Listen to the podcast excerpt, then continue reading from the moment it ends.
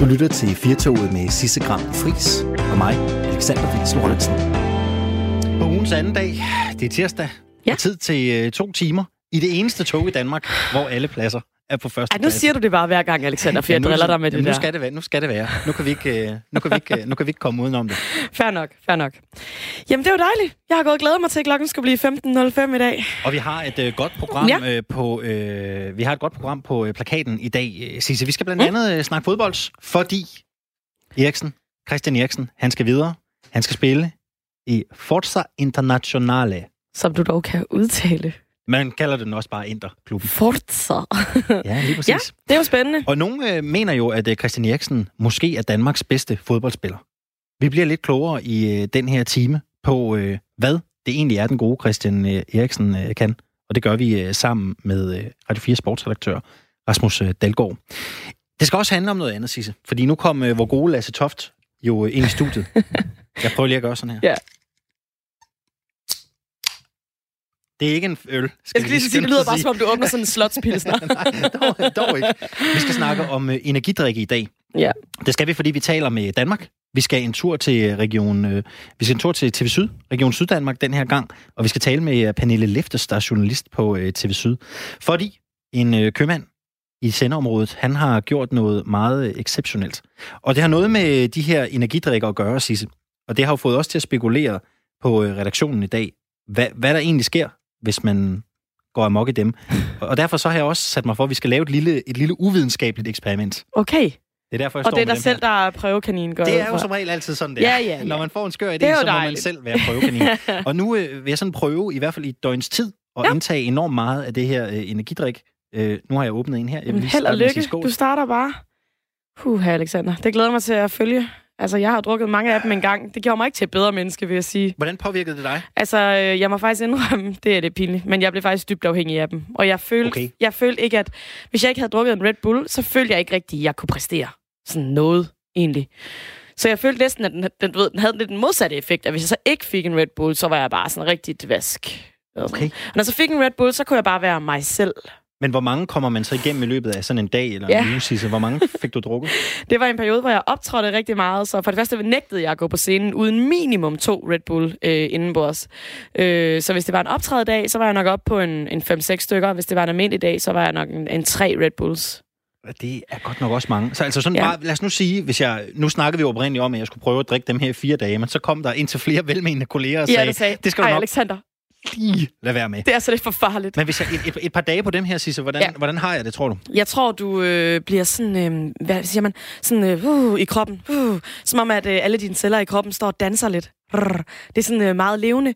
Og så synes jeg, man er skiftevis øh, enormt træt og enormt frisk. Mm. Det er som om mellemstadiet, som vel bare er at være et almindeligt menneske, ligesom bliver udladt. Vi Så det er jeg spændt på. Øh, vi, nu tager vi en, en prøve her, eller Ja. jeg tager en prøve her Ja. de næste 24 timer, øh, to dages øh, tid. Og øh, nu må vi se, om jeg bliver skræmt fra at gøre det, fordi vi hører også fra en læge lidt senere i øh, programmet, hvad der egentlig er op og ned med de her øh, energidrikke. Men Sisse, vi vil jo øh, også gerne åbne telefonerne i dag og tale med Danmark, som vi jo vi har øh, tradition for. Ja, det er klart. Kære lytter, du skal være med i dag, ligesom du plejer. Og det vi gerne vil øh, tale med dig om i dag, det er jo lidt spændende. Fordi i dag skal det handle om, om øh, der ikke er en derude, som du egentlig skylder en undskyldning. Er der en eller anden ting, der er sket nede i den lokale fakta, hvor du lige sprang en gammel dame over i køen, og du efterfølgende har tænkt, ej, det var simpelthen ikke i orden. Jamen nu er din chance. Så må du skrive ind til Alexander og ind til mig, og så må du lige sige, at vi har faktisk gerne have sagt undskyld til den gamle dame nede i Fakta. Det kan også være meget større end det. Det kan være, at du har et kæmpe stort ting, du har gjort. Sjusket med nogle eksamenspapirer, eller hvad ved jeg, stjålet noget, som du gerne vil sige undskyld for. Jamen skriv det lige ind til os. Øh, du er selvfølgelig fuldstændig anonym her i radioen. Det giver sig selv. Du sender din sms til 1424 og skriver R4, inden du kommer med din indrømmelse og hvem undskyldningen er til. Og det er grund til, at vi snakker om øh, det her i dag. Det er jo fordi undskyldninger er blevet et rimeligt aktuelt emne ovenpå en øh, tegning i Jyllandsposten, hvor øh, den kinesiske ambassade nu simpelthen kræver, at Danmark siger undskyld. Derfor tænker vi, at vi åbner mikrofonen i dag og giver jer muligheden for at sige undskyld til en, der har fortjent en undskyldning. I kan også ringe ind her til studiet 72 30 44 44, 72 30 44 44. Og Sisse, hvem ville du egentlig stikke en undskyldning, hvis du øh, fik frit lejde. Nu er mikrofonen jo din. Okay. Kære alle de venner og veninder, bekendte, jeg har, som er sådan lidt ude i min periferi, som har mødt mig på et tidspunkt, hvor jeg har sagt, ej, ved du hvad? Ved du hvad? Skal vi to ikke lige drikke en kop kaffe? Hvad? Det er så længe siden, vi har snakket sammen. Skal vi ikke drikke en kop kaffe? Så siger de altid, jo, ej, Sisse, det lyder da hyggeligt, det vil jeg gerne. Og så siger jeg, ved du hvad, jeg skriver lige. Jeg skriver lige en af dagene, okay? Jeg skriver lige, hvornår, jeg skriver lige, hvornår vi kan det. Og så, så får jeg aldrig rigtig lige gjort det, Alexander. Du drukner i alle mulige andre gørmål. Jamen det, det, og det er virkelig ikke for at være sådan Nej, smart og have for travlt. Nogle gange keder jeg mig da også i mit eget selskab, og vil ønske, at jeg havde en kaffeaftale, men så synes jeg ligesom, det er lidt for sent at skrive til Dennis, som jeg gik i folkeren med, som jeg mødte Mm. på et diskotek i lørdags. Altså, det bliver bare for sent. Så jeg vil sige undskyld til jer. Jeg skal nok lade være med at slynge om mig med kaffeinvitationer, hvis jeg ikke har tænkt mig at gøre noget ved det. Altså. Den er her med givet videre. Ah, Alexander, så er det dig. Ja, jeg tror, øh, den her den skal gå ud til et par lærere i folkeskolen. Det er ikke nogen hemmelighed, at jeg er blevet... Øh, jeg, jeg var ikke altid byens bedste barn.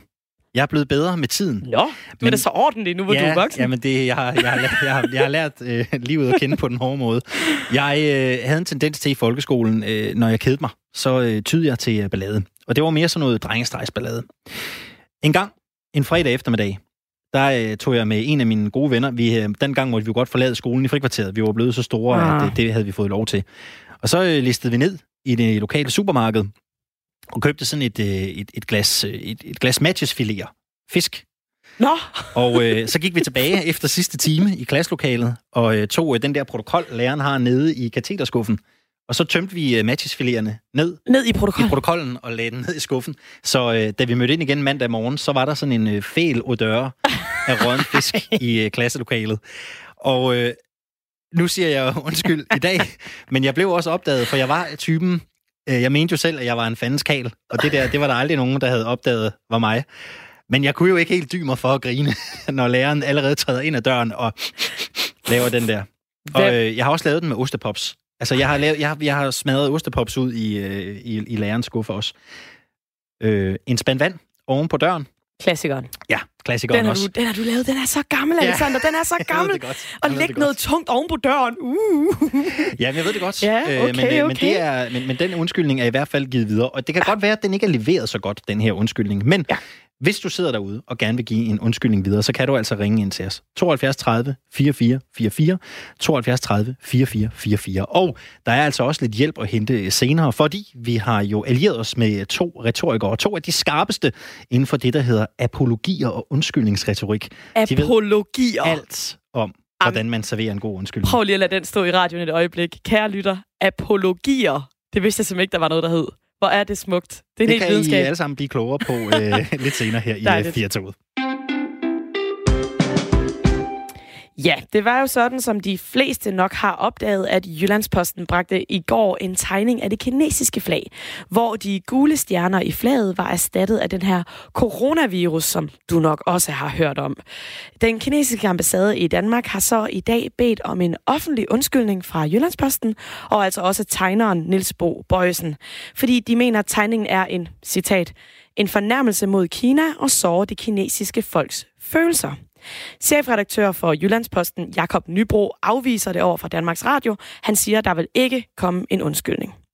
Så øh, her på Firtoget, så undrede vi os lidt over, hvad, hvad er op og ned i den her sag.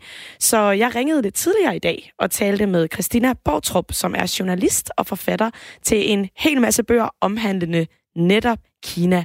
Og jeg startede med at spørge hende, hvorfor er det, at, kinerne, at kineserne beder om en undskyldning for den her tegning? Jeg tror, at den her meget sådan prompte reaktion fra den kinesiske ambassadør, den skal man se i en lidt sådan større kontekst, fordi øh, det er ikke sådan helt øh, gængs, at, at, at man reagerer så hurtigt og så prompte. Men det har noget at gøre med den situation, som Kina befinder sig i lige nu, øh, sådan på den globale scene, hvor man har den her stormagtskamp kørende med USA. Man kalder den en, en, øh, en handelskrig eller en teknologikrig, men den har mange navne, men den handler jo om, at Kina i stigende grad udfordrer USA's position som den eneste supermagt i verden. Kina vil meget snart overhale USA som verdens største økonomi, og har allerede overhalet på mange af de nye vigtige teknologier, som i øjeblikket former vores fremtid. Og det er jo det, der gør, at øh, amerikanerne øh, de har en stor interesse i, at øh, gør os alle sammen meget skeptiske og nervøse over øh, brugen af kinesisk teknologi. Det har vi set med Huawei-sagen, men også generelt om Kinas voksende rolle i verden. Og, øh, og den her China-bashing, som kineserne føler, de bliver udsat for, som, øh, som er meget amerikansk fokuseret selvfølgelig, men, men, men de oplever den jo også andre steder i verden, det er den, der gør, at øh, for nogle måneder siden, der blev alle øh, ambassadører, øh, kinesiske ambassadører kaldt hjem til Beijing, hvor de øh, blev øh, enige om og, og fik skærpet, at de altså skal være en, mere aktive i at forsvare Kinas interesser, når det er, at Kina bliver angrebet rundt omkring i verden. Og jeg tror, det er derfor, at vi ser sådan en prompte øh, reaktion fra den kinesiske ambassadør for den her sag, simpelthen fordi de er mere op på stikkerne, end de normalt ville være. Hmm. Har det så nogen betydning, tror du, at det lige præcis er ambassadøren, der beder om undskyldning? Nej, det er jo naturligt, at han er den kinesiske regerings, øh, hvad kan man sige, øh, person eller repræsentant i, i Danmark, så det, det, det er meget oplagt, at det er ham, der kommer med den her reaktion. Og øh, der er jo heller ingen tvivl om, at når nu de kinesiske ambassadører har fået det her opdrag med, at de skal ud og forsvare Kinas interesser og stå op imod øh, øh, kritik og latterliggørelse og, og, og det, at Kina nogle gange bliver hængt ud, så skal han jo også vise øh, til sine chefer hjemme i Beijing, at det gør han så rent faktisk. Så der er selvfølgelig øh, flere ting på spil her.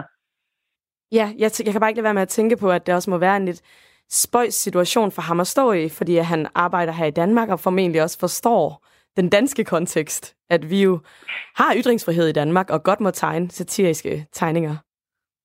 Det forstår han udmærket øh, godt.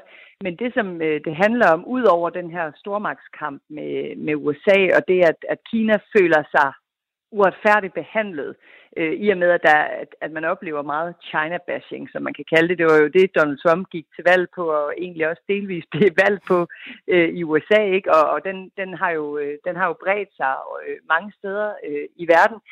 Øh, det er den ene ting, men den anden ting er jo også, at det her det er øh, et meget følsomt område, fordi at folk de dør af, af den her virus i Kina, og der er 50 millioner mennesker, der er indespærret i de byer, hvor de bor omkring øh, Wuhan, som, hvor epidemien den opstod. Ikke? Og det er jo, skal man så lige huske, at det er i en periode her i kinesisk nytår, som er lige så hellig i gåseøjne for kineserne som vores jul. Det vil sige, det er der, man gerne vil genforenes med sin familie, medlemmer, man ikke har set i meget lang tid, og, og der er så mange følelser på spil, hvor man så bliver afskåret øh, fra det, og man, man sidder der og, og er nervøse for sine venner og, og familiemedlemmer. Mm. Så det er klart, at det er en, en, en meget, meget følsom ting, øh, at man så har lavet den her satiretegning med. Øh, men det ved den kinesiske ambassadør godt, at selvfølgelig kan et medie i Danmark øh, gøre det, men det ændrer jo ikke på, at øh, han øh, og den kinesiske regering finder det øh, meget upassende i den her situation. Ja, det er klart. Og nytåret vil jeg faktisk gerne vende tilbage til lige om et par minutter, Christina. Men øh, først vil jeg gerne lige høre, tror du, det har nogen særlig betydning, at det lige er det kinesiske flag, man vælger at lave en satiretegning om? Ja, det har det jo så. Øh, og det har jo selvfølgelig noget at gøre med, at, at ja, først og fremmest så har kineserne måske den samme følelse for deres flag, som vi har for Dannebro. Vi har lige selv fejret Dannebros øh, jubilæum i Danmark i stor stil, ikke? Og, og vi må ikke tabe flaget på gulvet, og vi bryder os heller ikke om, at folk i Mellemøsten brænder øh, Dannebro af. Det vækker også stærke følelser i os danskere. Så det er jo selvfølgelig den ene ting. Men, men der, hvor der er en ekstra øh, dimension i, i historien i Kina, det er jo, at der er sådan en voksende national selvfølelse i Kina, en øh, meget stærk øh, hang til patriotisme, som bliver dyrket fra øverste sted. Det vil sige, at siden Xi Jinping, øh, Kinas nuværende leder, kom til magten i 2012, der har man gjort en masse for at fremme den her nationale selvfølelse og stolthed i Kina over de store resultater, som man mener, Kina har opnået igennem Øh, Kommunistpartiets ledelse siden 1949. Man har sat patriotisme på skoleskemaet. Man dyrker i højere grad sådan flaghejsningsceremonier og, øh, og, og det har jo noget at gøre med, at Xi Jinpings store projekt, øh, altså lige så vel som øh, Donald Trump har et projekt, der hedder Make America Great Again, så har øh, Kinas Xi Jinping et projekt, der hedder, at Kina skal genrejses til tidligere tiders storhed. Og det er jo sådan, at Kina tidligere i verdenshistorien har været verdens største økonomi og det vigtigste innovationscenter i verden. Og så har der jo så været en parentes på et par hundrede år med opiumskrig og fattigdom og borgerkrig og alle de her ting. Og nu mener man så, at Kina er ved at være tilbage. Og det er øh, Kina jo også, i og med, at det er meget tæt på, at man overhaler USA som verdens største økonomi med al den indflydelse og magt, som det nu fører med sig. Men, øh, men, men Kina føler ikke altid, at Kina får den anerkendelse ude i verden, øh, som, som de egentlig har fortjent. Og det, det, man kan sige, der er jo lidt rigtighed i det, fordi øh, for eksempel i Verdensbanken eller i den internationale valutafond, der fylder Kina jo slet ikke lige så meget, som deres økonomiske størrelse berettiger dem til. Og det er de selvfølgelig meget frustreret over. Og det er derfor, at man, man, man øh, og så er det jo også det her med, hvis man har en fælles fjende, og man har en stærk sådan, nationalånd, så øh, kan det jo så også aflede opmærksomheden lidt fra kommunistpartiets fejl og mangler. Så det er jo altid øh, godt at have den der stærke nationalfølelse. Så tror du, den virker, den her strategi med, med hvad skal man sige, patriotisme på skoleskemaet, og vi går højt op i flaget. Virker det? Får altså, vi øjnene det, op for det, Kina? Det er svært for mig at vurdere, hvor ja. meget af det, der er påvirkning fra, fra regeringen og staten, og hvor meget af det, der rent faktisk kommer ned fra folket. Fordi når jeg taler med, med mange kinesere, så er de jo også stolte over de fremskridt, der er sket i Kina de sidste årtier, hvor man har løftet hundredvis af millioner af, af fattige mennesker ud af fattigdom. Man har fået bedre sundhedssystem helt ud øh, på landet nu, og der er mange problemer i det kinesiske samfund, men der er også en masse ting, der er blevet bedre. Kina har været vært for OL. Øh, Kina vinder konkurrencer i øh, de mest avancerede øh, robotter, der kan operere mennesker og diagnostisere, og alle de her ting, de vækker øh, meget stor stolthed øh, blandt kineserne, fordi det har de jo ikke været vant til i mange år.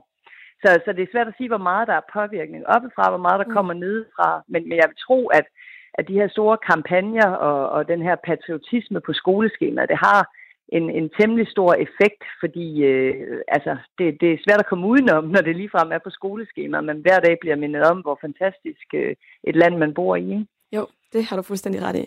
Kan man sige, at en sag som denne her i Jyllandsposten nu med, med satiretegningen, kan den ikke påvirke de, de diplomatiske relationer imellem Danmark og Kina? Og hvordan? Altså jo, og det er jo selvfølgelig det, man, man frygter øh, nu, fordi vi har jo set før, hvordan det kan gå, når man kommer på øh, kant med, med Kina. Vi har set det i, øh, hvordan Norge blev straffet i overvis, hvor øh, Norge blev lagt fuldstændig på is øh, og relationerne altså frøs fuldstændig til mellem Norge og, og, og Dan, øh, undskyld, Norge og Kina. Og det var jo fordi, at man øh, gav Nobels øh, fredspris til øh, øh, Liu Xiaobo, som var en kinesisk dissident. Og det havde jo intet med den norske regering at gøre, men det blev den altså straffet for. Og det betød jo, at lakseeksporten til Kina, den faldt helt drastisk. Til gengæld så gik den så over Vietnam, og så de der norske laks, de kom alligevel til Kina. så, så politik er en ting, og business er noget andet. Men, men, men der er ingen tvivl om, øh, at, at det kan øh, komme til at skade øh, forholdet mellem øh, Danmark og Kina, fordi Jyllandsposten kommer jo ikke til at sige undskyld, og Mette Frederiksen har selvfølgelig også allerede været ude at sige, at vi har ytringsfrihed i Danmark. Det kan jeg ikke gøre noget ved. Et medie har lov til at publicere det, de har lyst til, og sådan er det i Danmark. Problemet er jo, at man med kinesiske øjne ikke rigtig skældner mellem, om det er et frit medie, eller om det er den danske regering. For dem er det bare Danmark, der har gjort det her mod Kina nu, ikke i en meget, meget øh, svær øh, og følsom øh, kontekst. Og øh, ja, så derfor, altså det, det som, som man kan frygte, det er selvfølgelig, at det ender med, at man får sådan en diplomatisk øh, krise, og øh, det kan jo så i sidste ende øh, skade danske virksomheders interesser i Kina. Ja. Har vi, øh, har vi set Kina lave sådan lignende manøvrer i andre steder i verden i nyere tid, som de gør nu? Øh, ja, masser. Altså, det er, jo, det er jo en del af hele den her voksne øh, nationale selvfølelse og, og det her øh, propagandaapparat, som man jo også har øh, sat i gang. Kina bruger milliarder af kroner på at sælge den kinesiske version af sandheden ude i verden, og det er igennem deres egne medier, hvor de publicerer øh, kinesiske historier selvfølgelig. Øh, de gør det øh, via øh, øh, altså øh, ja, simpelthen øh, robotter og trolls på internettet, som ligesom går i, i clinch med, med, hvis der er nogle negative historier eller kampagner imod Kina. Øh, og så hele diplomatiet, som er blevet meget mere aktivt og meget mere, hvad kan man sige, sådan øh, selvsikre i deres øh, fremturen øh, rundt omkring i verden, fordi det har vi jo ikke tidligere set. Der vil, øh, der vil man måske godt sådan bag øh, linjerne få at vide, at det her, det var altså ikke så smart, og det havde... Øh, det havde fornærmet nogen, men, men nu er det jo sådan meget øh, udtalt, øh, at, at Kina går ud og forsvarer, og det, det ser vi overalt øh, rundt omkring i verden, og senest øh, har der jo været øh, flere sager i Sverige, Øh, blandt andet fordi at det er en svensk statsborger, den her kineser, som øh, er en af de mange mennesker, der har blevet øh, arresteret og øh, tilbage. Ja, han er jo blevet fængslet. Øh, en en øh, boghandler i Hongkong, som solgte øh, sådan, bøger, der var kritiske omkring øh, det kinesiske politiske system. Og øh, Sverige har jo selvfølgelig forsøgt at få udleveret den her svenske statsborger. Og det har altså givet en masse knas i maskineriet, og det, øh, det skader også øh, forretningssamarbejdet mellem øh, Sverige og, og Kina. Således klogere på øh, sagen her ved hjælp fra Christina Bortrup. Men som vi også øh, var inde på, Sisse, Kina kræver en undskyldning, og ja. Jyllandsposten vil ikke sige undskyld. Vi vil jo gerne øh, gøre alt, hvad vi kan for ligesom at holde os på øh, god, for, god fod med Kina. Vi øh, er øh, diplomatiets ambassadører, og netop for diplomatiets skyld, ja. så har vi øh, her på øh, Firtoget besluttet os for at række en øh, hånd ud til Kina. Så vi kan samles om det, der for alvor er vigtigt, nemlig at få bugt med coronavirusen. Og nu kan vi sige velkommen til dig, Sabrina Larsen. Du øh, skal hjælpe os med at gøre undskyldningen øh, forståelig. Og ryk endelig helt tæt på mikrofonen, så vi kan, øh, så vi kan høre din, øh, din røst om lidt. For vi har forestillet os, at vi gør det på øh, den her måde. Jeg læser øh, Firtogets undskyldning op på dansk, og så oversætter du den til kinesisk. OK med dig? Det er OK. Perfekt. Undskyldningen er, som øh, følger Sisse, det er sådan her, vi har valgt at udforme det. Kære Kina, i går bragte den danske avis Jyllandsposten en tegning af det kinesiske flag. Hvor der normalt i flaget ville være fem gule stjerner, kunne I til jeres store overraskelse se coronaviruset indtage denne plads på det røde lærred. Naturligvis tolkede I denne tegning korrekt. Et kinesisk flag med coronavirus er uden tvivl en direkte fornærmelse af Kina, som er tiltænkt at såre det kinesiske folks følelser. Det er ikke en måde at illustrere en sag, der har været i hele verdens medier den seneste uge. Sådan en hån, spot og latterliggørelse må naturligvis ikke få lov til at stå uimodsagt af ledelsen fra Jyllandsposten, som komplet har misforstået intentionen med deres egen tegning. Derfor er det på plads med en undskyldning, som I også helt korrekt har bedt om.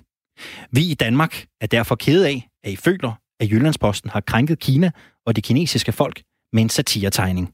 Vi føler selv, at Jyllandsposten har indrammet en begivenhed med en enkelt tegning, og vores opfattelse af den pågældende situation er en anden end jeres, og det undskylder vi. Værsgo, Sabrina. 亲爱的中国，昨天在丹麦《日德兰邮报》上刊登了一幅中国国旗的图片。在正常的情况下，旗帜的图案是由五颗黄色的五角星组成。 让您震惊的是，您在图片上可以看到，在红色背景上，这已被冠状病毒的图案所替代。毋庸置疑，您对这幅图片的解读是正确的。中国国旗上的冠状病毒图案，无疑是对中国的直接侮辱，旨在伤害中国人民的感情。这幅图片并不能说明，在过去的一周里，世界媒体一直在关注着的问题。日德兰邮报的管理层完全误解了图片绘制者的意图，没有对这种嘲弄、嘲讽和奚落加以制止。因此，进行真诚的道歉是必须的。您要求道歉的要求也是正确的。我们在丹麦对您感到《日德兰邮报》已经侵犯了中国和中国人民感到非常的痛心和遗憾。《日德兰邮报》自己感觉通过了一张讽刺图片，策划了一个恶性事件。我们对此就相关问题的。表述方式与您的不同，深表诚挚的歉意。Sabrina Larsen, tak fordi du gad komme og hjælpe os med at gøre vores for at styrke det diplomatiske forhold mellem øh, Danmark og Kina. Radio 4 taler med Danmark. Og i samme tråd vil jeg faktisk øh, tilføje, Alexander, at i denne Kina-sag, hvis man kan kalde det det, så opdagede jeg i min research, at øh, det kinesiske nytår, som jo netop faldt her den 25. Øh, januar mm. og løber 15 dage frem, faktisk også er voldsomt påvirket af den her sag. Så da jeg havde Christina Bortrup, som vi hørte før, som er journalist og forfatter, da jeg havde hende i røret, så spurgte jeg lige lidt ind til det også. Og det synes jeg også, vi skal høre. Jeg spurgte Christina, hvordan har virusudbruddet påvirket påvirket nytåret i Kina i år? Det har jo øh, fuldstændig ødelagt øh, den kinesiske nytårsferie for, for rigtig mange familier. Først og fremmest for alle dem, der ikke kunne komme hjem til Wuhan, og dem, der ikke kunne komme fra Wuhan, altså den by, hvor det hele startede. Øh, det er jo millioner af mennesker, der plejer at rejse øh, ud øh, og hjem omkring det kinesiske nytår, fordi de skal hjem til deres familier. Og mange af dem er jo migrantarbejdere, der arbejder på fabrikker i Wuhan, hvor der for eksempel er en stor øh, bilproduktion og meget andet produktion. Og mange af dem, det er jo folk, der bor sådan længere ude på landet, og pludselig får de at vide, at I kan ikke komme hjem og se jeres børn for første gang i år. Og det er jo sindssygt hårdt for de her familier, som kun knokler for at give deres børn et bedre liv. Og de kan se dem en eneste gang om året, det får de ikke lov til nu. Så det har været en meget anderledes kinesisk nytårsferie, og man, altså nu kender jeg jo selv selvfølgelig kinesere, som for eksempel bor i Shanghai, hvor jeg kommer meget, og, og selv sådan meget, sådan, som jeg opfatter som kloge karriere øh, kvinder, har sådan skrevet, øh, at jamen, jeg køber en masse mad og noget medicin, og så sætter jeg mig bare alene hjemme i min lejlighed og venter på, at det går væk. Altså, så det, der er også mange, der sådan, bare har lyst til at spærre sig selv inde og vente på, at det driver over. Og det er jo klart, det er jo, det er jo, jo meget øh, stor indgriben i, at man plejer at have sådan en hyggelig familie øh, reunion ikke, på det her tidspunkt. Jo, for du sagde nemlig også tidligere, at deres nytår, altså det kinesiske nytår, kan sådan lidt sammenlignes med den måde, vi anser julen. Vil du uddybe ja, det, det lidt? Sådan, hvad betyder det for det kineserne, det her? Det er jo den vigtigste højtid øh, om året i Kina. Det er der, hvor, man, hvor alle har den her øh, nytårsferie. Man er sammen med familie og, og venner, øh, mest familie, og man spiser nogle helt bestemte ting, blandt andet dumplings, som er sådan nogle kinesiske ravioli, som man så står og laver sammen. Og, altså, ligesom vi står og ruller marcipan og så videre, så har de alle deres ritualer, ikke også? Og de er jo fuldstændig blevet disrupted af, af den her øh, sygdom. Og så er der også det, at øh, de faktisk har fået øh, tvungen længere ferie. Jeg hørte lige fra en, øh, en dansk virksomhed, at øh, deres øh, medarbejdere må simpelthen ikke møde på arbejde på fredag, som de normalt skulle. Øh, normalt, når det er nytår, hvis det går hen over en weekend, så får man, øh, så kommer man til, altså det er typisk fredag til fredag, og så går man så på arbejde fra fredag, og så bare hele den næste weekend. Der er de nu fået at vide, at de skal lukke ned, og de må først komme tilbage på arbejde den 10. februar.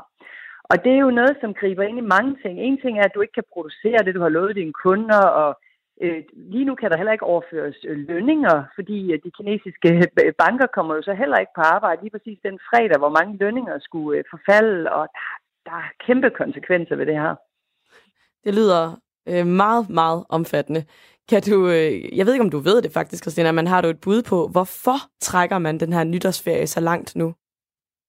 Ja, men det er helt klart, fordi man øh, håber på at, øh, at få øh, en del af den her virus, øh, den her epidemi til at, at drive over. Altså vi ved jo, at inkubationstiden er øh, op til 14 dage, og det er lige præcis det, der gør, at hvis de kan forhindre millioner af kinesere i at rejse hjem eller rejse et eller andet sted hen, øh, som de jo typisk skal, når de skal møde på arbejde. Øh, du skal tænke på øh, bare øh, metrosystemet i Shanghai eller Beijing øh, har jo millioner af mennesker igennem hver dag, så når jeg, når jeg taler rejse, så taler jeg ikke bare sådan flyrejse, ligesom hvis vi skulle flyve til Paris eller sådan noget.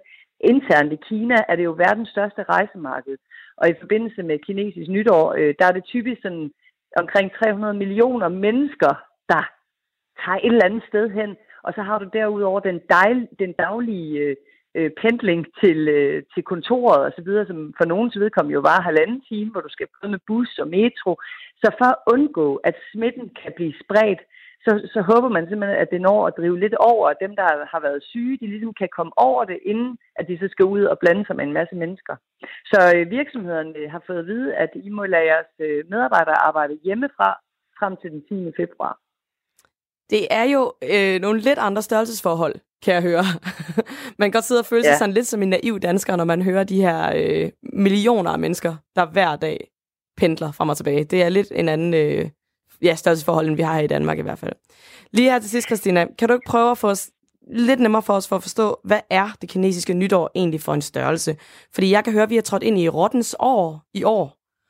Og øh, hvad, hvad betyder det egentlig? Hvad går det ud på? Jamen, jamen der er jo 12 af de her øh, forskellige dyr, som, øh, og det går jo så i en cyklus, så hver 12. år er man i rottens år, så du kan jo så selv regne ud, hvad for et år du er født i, hvis du går ind og kigger på alle de her dyr.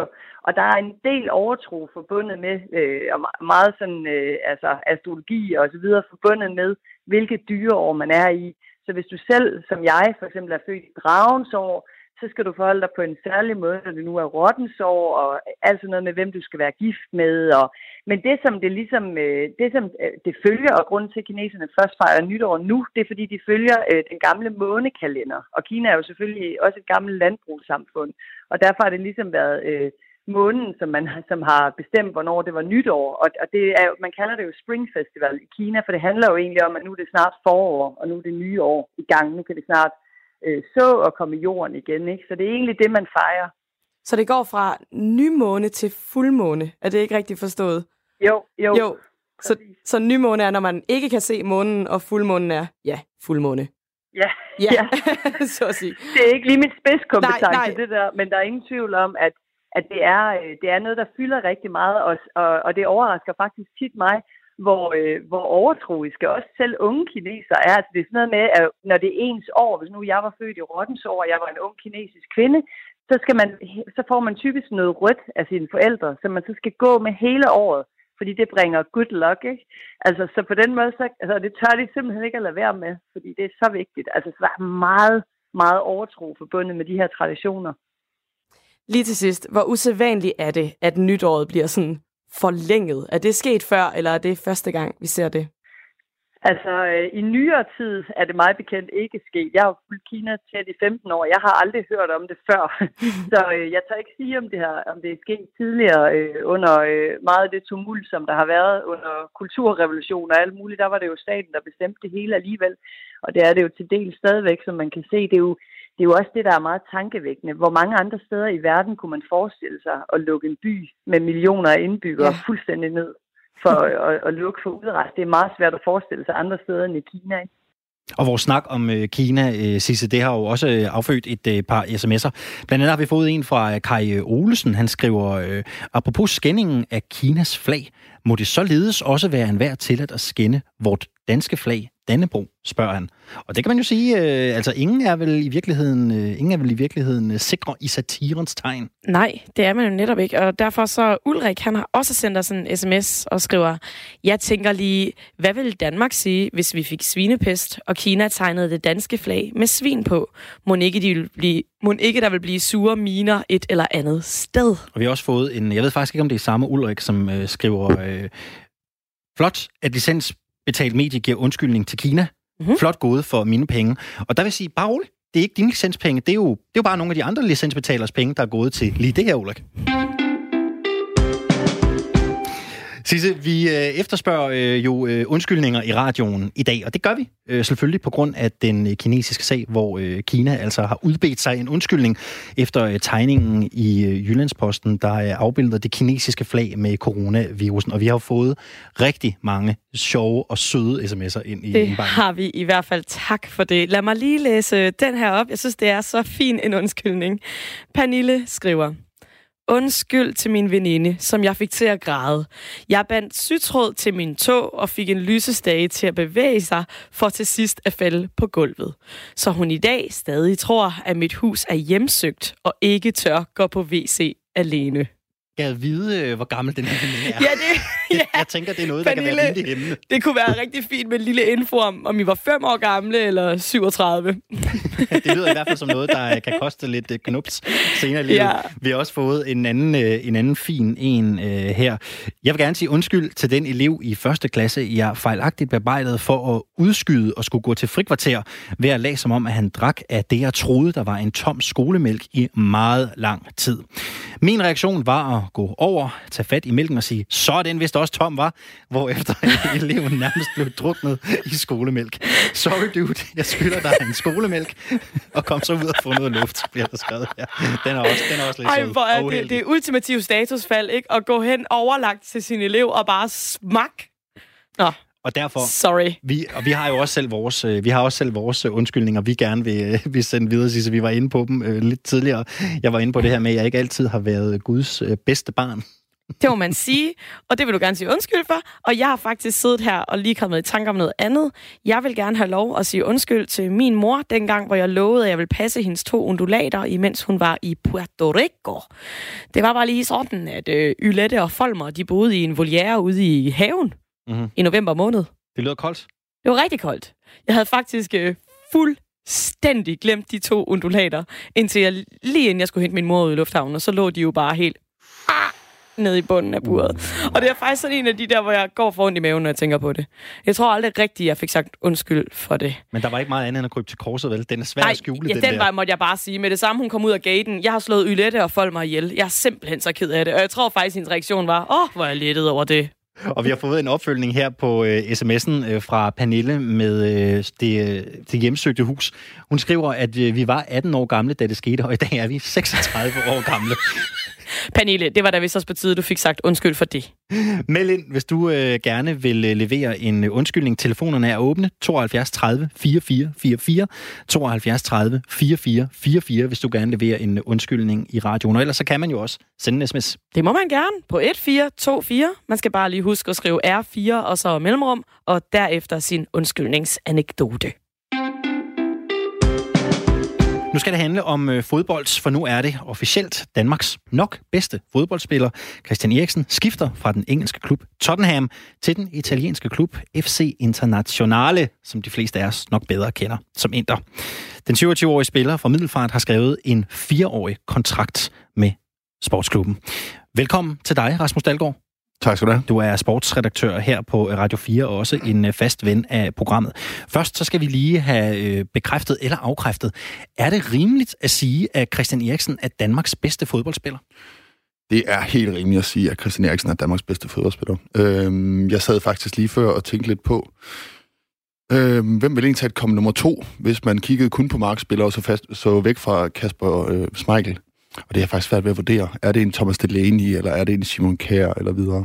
Øh, så helt klart, øh, Christian Eriksen er Danmarks bedste fodboldspiller. Og største fodboldspillerstjerne. Og hvad er det, der gør ham til det? Ja, men han, øh, han har udviklet sig helt kolonormt i Tottenham, øh, som er en, en klub i Premier League. Øh, han er gået fra at være en, en stabil og dygtig, et stort talent, dengang han var i Ajax, øh, i Amster, Ajax Amsterdam, til øh, har virkelig lagt på i, øh, i Tottenham. Jeg tror, at jeg kiggede lige, jeg tror, han har scoret 69 mål, og han har lavet 89 assist i sine syv år i Tottenham, og det er, det er ret imponerende. Han er, han er virkelig både en målscorer, han kan lægge op, han har et fantastisk blik for spillet, øh, han laver nogle sublime afleveringer, øh, han er en fantastisk midtbanespiller. Hvis vi går lidt historisk til det, hvordan startede han så sin karriere? Jamen, øh, han startede den jo i... Han er fra Middelfart, som du også nævnte. Mm, ja. Øh, så rykkede han til OB øh, i 2005, da han ikke har været særlig gammel, der har han været de der 13 år eller så videre. Øh, og så øh, tre år efter, så øh, fik de øje på ham i Ajax Amsterdam, øh, hvor at han så blev hentet til, som mange unge danske fodboldspillere er før ham. Øh, der var han så på deres akademi i to år, øh, inden han fik seniordebut øh, i 2010 og spillede i Ajax øh, Amsterdam frem til 2013 på deres seniorhold, deres første hold. Hvor har han øh, udviklet sig mest? Hvor har han præsteret de største resultater? Ah, men det er jo... Ja, nu, nu, nu når du lige at sige de største resultater, fordi at øh, man kan sige, at han er jo, han er jo blevet Hollandsmester i, øh, tre gange, 2011, 2012 og 2013. Han er blevet en Hollands pokalvinder 2010, vandt den Hollands Supercup 2013. Øh, og det er jo mange pokaler, mange medaljer at få med hjem. Øh, I Tottenham har han ikke fået nogen medaljer med hjem, øh, men alligevel har han været med til at rykke i de syv år, han har været i Tottenham, har han været med til at rykke dem fra en, en, en sub-top-klub til at være en, øh, op at være en topklub, der også var i Champions League-finalen. Øh, det er så ikke gået så godt denne sæson, hvor de ligger og rundt nede i midten, men øh, han har virkelig været med til at, at rykke Tottenham, øh, og det har han haft stor andel i. Nu skal han jo så videre til Inter. Hvorfor, øh, hvorfor vælger han at skifte klub nu? Jamen, øh, man skal, man skal have, nok have boet under en sten, hvis man ikke har lagt mærke til, at det seneste halvår, der har været rigtig, rigtig, rigtig mange skriverier om Christian Eriksen, og hvor skal han hen, og hvor, hvornår bliver det, og så videre. Øh, han har kontraktudløb i Tottenham her til sommer, øh, så det her transfervindue, øh, som lukker lige om få dage, det var faktisk den sidste mulighed, som Tottenham havde for at få lidt penge for ham. Øh, allerede i sommer begyndte rygtemøllen jo. Øh, der var han efter sine tæt på at ende i både øh, Barcelona og i Real Madrid, øh, som jo nok er den største drøm for de fleste fodboldspillere. Det blev ikke til noget. Øh, rygterne har igen været der, øh, men nu endte det med, at han kom til Inter. Nu bliver jeg også lidt nysgerrig, fordi man, øh, når man taler om sådan almindelige øh, virksomheder, så kan man jo godt sige, hvis man skifter til en virksomhed som Mærsk, så er der jo tale om, en, om et klart step op. Hvis vi nu prøver at se på Eriksens øh, skifte til, til, til Inter, hvad, hvad, hvad er det for et, for et karrieretræk af Christian Eriksen? Ja, Jamen, det er jo interessant, øh, fordi man kan sige, hvis at han var kommet til Real Madrid eller til Barcelona, jamen, så var han kommet op på toppen. Altså, det er to klubber, som bare er finere end alle andre klubber øh, i fodbold. Øh, så kommer han fra Tottenham til Inter. Øh, hvis man kigger på FIFA-ranglisten, så tror jeg, at Tottenham ligger nummer 12 eller sådan noget, og Inter ligger langt længere nede. Øh, men man kan sige, lige pt. ligger Tottenham og rundt i midten af tabellen i Premier League. Der er lange udsigter til at komme med i Champions League. Øh, Inter ligger nummer to i, hvad hedder det, Italien. Øh, er ved at få bygget noget rigtig spændende op. Har en øh, spændende træner i Antonio Conte, som tidligere har vundet mesterskaber, øh, også med, med Chelsea i Premier League. Øh, så man kan sige, at den italienske liga er nok, der er ikke lige så stærk som Premier League er. Men øh, jeg synes, det er et fornuftigt skifte af ham. Også fordi, at øh, Christian Eriksen kommer til at være rigtig, rigtig god i Italien, tror jeg. Øh, det går ikke så hurtigt, som det gør i Premier League. Øh, markeringerne, de sidder, de sidder lidt tættere dernede, godt nok, men jeg tror bare, at den italienske liga vil passe ham rigtig, rigtig fint, så jeg tror, at han bliver en kæmpe stjerne. Og nu, bliver jeg, og nu bliver jeg nysgerrig, for du siger, at der foregår mange spændende ting i Inter. Hvad er det for en klub, han lander i? Jamen, Inter har jo været... Øh, Inter vandt Champions League i 2010, mener jeg det var. Øh, så har de været lidt nede i en bølgedal øh, i, de, i de efterfølgende år. Øh, men nu er de sådan ved at konsolidere sig i toppen, og skal også spille med om mesterskabet i år. Øh, mod Juventus nok, som har vundet det italienske mesterskab en gang, husk det er det 7, 8 eller 9 gange i træk nu. Øh, og der, der, der, kunne, der kunne Inter rigtig godt tænke sig at blande sig igen. Øh, og de er, øh, de er udfordret til det. Øh, det er de helt klart. Det er en svær opgave, men øh, når man har hentet en, en spiller som Christian Eriksen, for ikke så lang tid siden hentede man øh, en Romelu Lukaku. Øh, det viser også, at, at, at, at de mener det seriøst. Det er der ingen tvivl om. Øh, så det bliver spændende at se, hvor stor en indflydelse han kommer til at få for Inter. Og du er inde på det her med, at det er et, det er et rigtigt skifte. Det er godt for Eriksen, at han lander i Inter. Kan han se frem til, kan han se frem til mere, øh, mere spilletid, og måske endda også en, en bedre lønseddel? Han kan i hvert fald se frem til mere spilletid, fordi at øh, det seneste lange stykke tid øh, har han jo ikke spillet særlig meget fast. Han har jo været en indskiftningsspiller, men det har jo også været på grund af hans kontrakt øh, situation. Fordi øh, man har jo hele tiden godt vidst, det har man vidst lige over et halvt år, at han forlængede ikke kontrakten med Tottenham. Ingen tvivl om, at de nok har forsøgt, hvad de, hvad de ville, øh, og de har nok også givet ham en klækkelig hyre for at skrive under men han har ikke bidt på. Så han har ment det seriøst, at han gerne vil væk. Øh, og det har også betydet, at han ikke er blevet brugt så meget, fordi at træneren har vidst, at jamen, det er ikke en spiller, som vi skal bygge på i fremtiden. Øh, så der er ingen tvivl om, at han vil få meget mere spilletid i Inter. Øh, hvordan i forhold til hans løn, øh, det er svært. Jeg ved ikke, hvor meget han får, men øh, jeg kunne se, jeg læste et sted, at La Gazzetta dello Sport, som er et italiensk medie, mener, at han får 7,5 millioner øh, euro efter skat i løn, årsløn. Øh, og så kommer der selvfølgelig også bonusser dertil.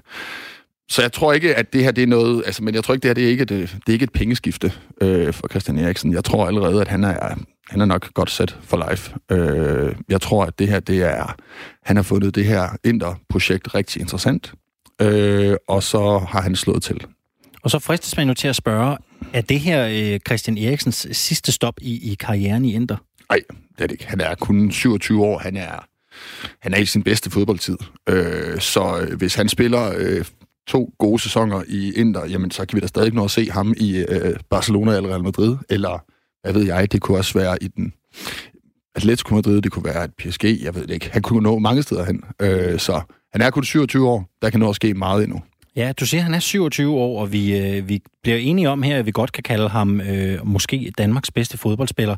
Hvis vi nu skal prøve at sætte nogle store ord på det og lidt op i helikopteren, hvad har en, øh, hvad har en spiller som Christian Eriksen øh, betydet for, øh, for fodbold, også her i Danmark? Jamen, man kan jo sige, at han, han fik jo debut for, for landsholdet i 2010 i en alder af 18 år og et eller andet. Han kom med til, hvor at han øh, jeg mener, han er den fjerde yngste eller et eller andet, øh, og man kunne jo tydeligt se talentet dengang. Så var der en periode under Morten Olsen, hvor at, øh, han måske blev kritiseret lidt, fordi at han slog ikke rigtig til på landsholdet. Øh, så har der været en god periode under H.O. Harreide, hvor han virkelig har slået til. Altså, hvor han både spillede godt for Tottenham, og han spillede godt for landsholdet. Øh, som sagt, han lagde de målgivende afleveringer, men han begyndte også selv at blive en målscorer. Det så vi jo virkelig i, i, den, øh, i den forrige kval øh, til VM. Så hvad hedder det? Man kan sige, at, øh, at, at han har været en kæmpe stjerne øh, for Danmark. Også fordi, at vi har virkelig haft brug for en stjerne, som jeg ser det. Øh, der har været mange contenter, også som jeg sagde før, der er ikke øh, nummer to. Hvem er det? Det er ikke, vi er ikke oppe at ringe Michael Laudrup og i Brian, Brian Laudrup og, og den der kaliber, Preben Elkær kaliber. Så der har manglet lidt. Altså, han er med afstand den største stjerne, fodboldstjerne, vi har herhjemme. Øh, og det er bare vigtigt for et fodboldregalt land som Danmark. Ingen tvivl om det. Sidst du var her, så talte vi om, øh, så talte vi blandt andet øh, lidt om, øh, der talte vi om Karoline Wozniacki. Vi har også talt om, øh, om, om Ebbe Sand øh, tidligere her i programmet. Nu ser vi jo frem mod, øh, vi ser frem mod et øh, fodbold-VM. Vi taler Christian Eriksen. Hvilken betydning får en spiller som, som Eriksen i sådan dansk landsholdsregi fremadrettet? Hvad, hvad, hvad kan vi spå om? EM til sommer. Ja. Øh, Jamen, det er jo sindssygt vigtigt for det danske landshold, at Christian Eriksen nu kommer et sted hen, hvor han får fast spilletid. Og jeg tror også, det er vigtigt, at han har fundet, fået afklaret sin fremtid og fundet ro på, fordi der har virkelig været mange spekulationer, ikke? Øh, den seneste lange stykke tid. Øh, så lige nu, der risikerer vi, eller ikke risikerer vi, der har vi muligheden for at få en Christian Eriksen med til EM i topform. Og en Christian Eriksen i topform er øh, afsindig vigtig, øh, fordi at han er så afgørende en spiller. Altså, jeg, det... jeg får lyst til at spørge dig, hvad, hvad kan en Christian Eriksen i topform, hvad kan han betyde for, for Danmark i, øh, i EM-øje med? Jamen, han kan betyde, at vi kan komme længere, end vi kunne uden en Christian Eriksen i topform. øh, fordi at han kan lave de afgørende mål. Øh, han kan lave de afgørende assist, øh, og det er det, han er på banen for, og så giver han også bare noget tryghed. En så en spiller, der har så god en boldomgang som han, jamen han er, vil altid være en spiller, som de andre vil være trygge ved og aflevere den over til, når der er pres på. Øh, fordi at så skal han nok holde på den og gøre noget fornuftigt. Og det er sådan en type spiller, Christian Eriksen er. Om han kan, hvor langt han kan få os øh, til EM, det tør jeg ikke spå om. Men øh, Ja, nej, det får vi se. Selvfølgelig. Du var lidt inde på det her tidligere med, at det her altså ikke bliver sidste stop for, for Eriksen. Du nævnte et par klubber, men jeg godt tænke mig, at vi måske satte et par ekstra ord på. Hvad er, øhm, hvad er perspektivet? Hvad er der ude i horisonten for en spiller som Christian Eriksen? Hvor kan, hvor kan det her store talent, hvad kan han drive det til? Jamen, det er jo igen, der sidder jeg og tænker på igen, når du stiller det spørgsmål, så er det interessant jo altid, kan han komme til Barcelona? Kan han komme til Real Madrid? Og det mener jeg stadig, det kan han jo. Han har lavet en kontrakt med Inter, der var indtil 2024. Øh, hvis han spiller to rigtig, rigtig gode sæsoner i Inter, jamen så vil han stadigvæk være interessant for de allerstørste klubber. Men det er også et større puslespil. Altså, der er også en grund til, at han ikke er øh, endt i Real Madrid eller Barcelona endnu. Øh, og det er ikke, fordi han ikke er en god spiller, men der er bare også no- nogle ting, der skal gå op i en højere enhed. Og hvad er det for, man skal lande der? Jamen, det kan være, hvad er det, for nogle, hvad er det for nogle spillere, man har? Hvad er det for nogle spillere, man sender afsted? Hvad er det for nogle spillere, man mangler? Hvad er det for en træner, man har? Hvad er det for en spillestil, man gerne vil dyrke? Øh, der er mange ting, der skal gå op i en højere enhed, og så er der også, ja, altså det er, det er der. Så det er ikke bare, om man er en god nok spiller. Øh, det, det, er, det er ikke nemt at komme til de største klubber. Øh, men Christian Eriksen kan stadig nå det. Men jeg vil så også sige, Inter er jo ikke en lille klub. Altså, Inter er, det er, måske Inter er en kæmpe, kæmpe klub i Italien. Øh, og hvis, hvis man er lige så gammel som mig, så kan man også huske dengang, hvor Inter var, var rigtig, rigtig, rigtig store i øh, start 90'erne og i 80'erne osv. Ikke? Altså, det var en kæmpe klub. Øh, og det er det stadigvæk. Så det kunne være sjovt, hvis at de også begyndte at kunne udfordre Juventus i toppen af ligaen igen, så at vi kunne få CRA, CRA endnu højere op, som det var engang. De har i hvert fald et godt kort på hånden i øh, Christian Eriksen. Tusind tak skal du have, Rasmus Dahlgaard, sportsredaktør på Radio 4, fordi du havde lyst til at tegne og fortælle. Det var så lidt. Anytime. 4 Lyt med alle hverdage fra kl. 15 her på Radio 4. Og Sisse, vi taler jo øh, om undskyldninger i dag, og det gør vi naturligvis oven på øh, JP Kinagate. Jyllandsposten har øh, bragt en øh, tegning af det kinesiske flag med coronaviruset på det røde lærred. Ja. Derfor har vi jo øh, fået den idé, at vi simpelthen vil åbne mikrofonerne i dag og øh, bede folk om at ringe ind og sige undskyld. Det her det er simpelthen den radiofoniske skriftestol i dag. Ring ind, hvis du har nogen, du gerne vil sige undskyld til. Præcis. Vi er klar til at lytte til dit øh, skriftemål her, inden vi går på nyheder om en 6 minutters tid. Så ring endelig ind, og man kan jo fange os på 72 30 44 44. Så sidder vi altså klar. Og der er jo ikke noget, der er for stort eller, eller for, for småt, småt at sige uh, undskyld uh, for. Og jeg har det sådan, jeg tror, hvis jeg skal finde noget at sige undskyld for, så skal jeg sådan grave godt, eller det skal jeg nok i virkeligheden ikke, vel? Altså, mm. der er jo nok et eller andet, også i nyere tid, i mindre, i mindre stil, man kan sige undskyld for. Men hvis jeg sådan virkelig skal sige undskyld, så er der altså noget, så er der noget, noget ballade med, at jeg har i mine tidligere folkeskoledage. Jeg nok, jeg nok lige, jeg nok lige skylder en omgang for, lad os sige det sådan. Ja, altså jeg burde nok egentlig også sige undskyld til min øh, søster, som jeg øh, bildte ind, indtil, indtil hun var meget gammel, bildte jeg hende ind, at alle nisserne, som var pyntet op i december måned hjemme hos os, at de var levende og kunne tale. Og det blev det sådan... Lyder, øh, det var, det var altså. virkelig... Jeg, jeg faktisk nogle gange, når jeg tænker på det, ej, det var faktisk ikke fedt. For hun, hun var måske 12 år, da hun sådan kom til mig sådan, seriøst, seriøst, de er jo bare døde, ikke? Så det ved jeg ikke. Du kan prøve at gå ind i stuen nu. Så kan du prøve at se, om du kan høre noget. Ej, og så kan jeg sådan placere mig bag døren og sådan... Sådan stå og lægge stemme til dem. Det var vildt Hvordan, creepy. Hvad siger Nisse så, Sisse? Jamen, så, så taler de meget sammen. Sådan, kan øh, du prøve ham, Jamen, sådan, har du fået ordnet risengrøden? Det kan også bare være sådan noget helt almindeligt noget. Eller også kan det være sådan, når min søster kom ind i stuen, så kunne jeg sådan sige, nu kommer hun. Okay, stå helt stille, stå helt stille. Så de der nisser bare stod sådan helt døde i blikket ja. og stod stille. Jamen, jeg tænker, og så kunne min søster bare stå, men det, man er så uhyggelig. ja, det er, er, er, er virkelig uhyggeligt. Altså, havde og det er faktisk aldrig... Ja, ja, ja. Det er sådan noget, min mor og morfar havde sådan noget gammelt julepynt, og du ved, de får nogle gange de der lidt dukke øjne. Øh, ja, tak. Ja. ja, så det har jeg nogle gange efterfølgende tænkt over, at det, det kunne godt være, at jeg ikke skulle køre den joke øh, så langt ud faktisk. Din søster, hun kan ikke se julekalender den dag Præcis, hun er bare traumatiseret. det, er som at se den der et klovnefilm for hende. Hun kan slet jamen, ikke det kan jeg slet ikke uh, se det. Jeg kan slet ikke holde ud at se sådan nogle film. Altså, kære Trine, hvis du lytter derude, det er jeg virkelig ked af. Der var jeg virkelig en dårlig storesøster.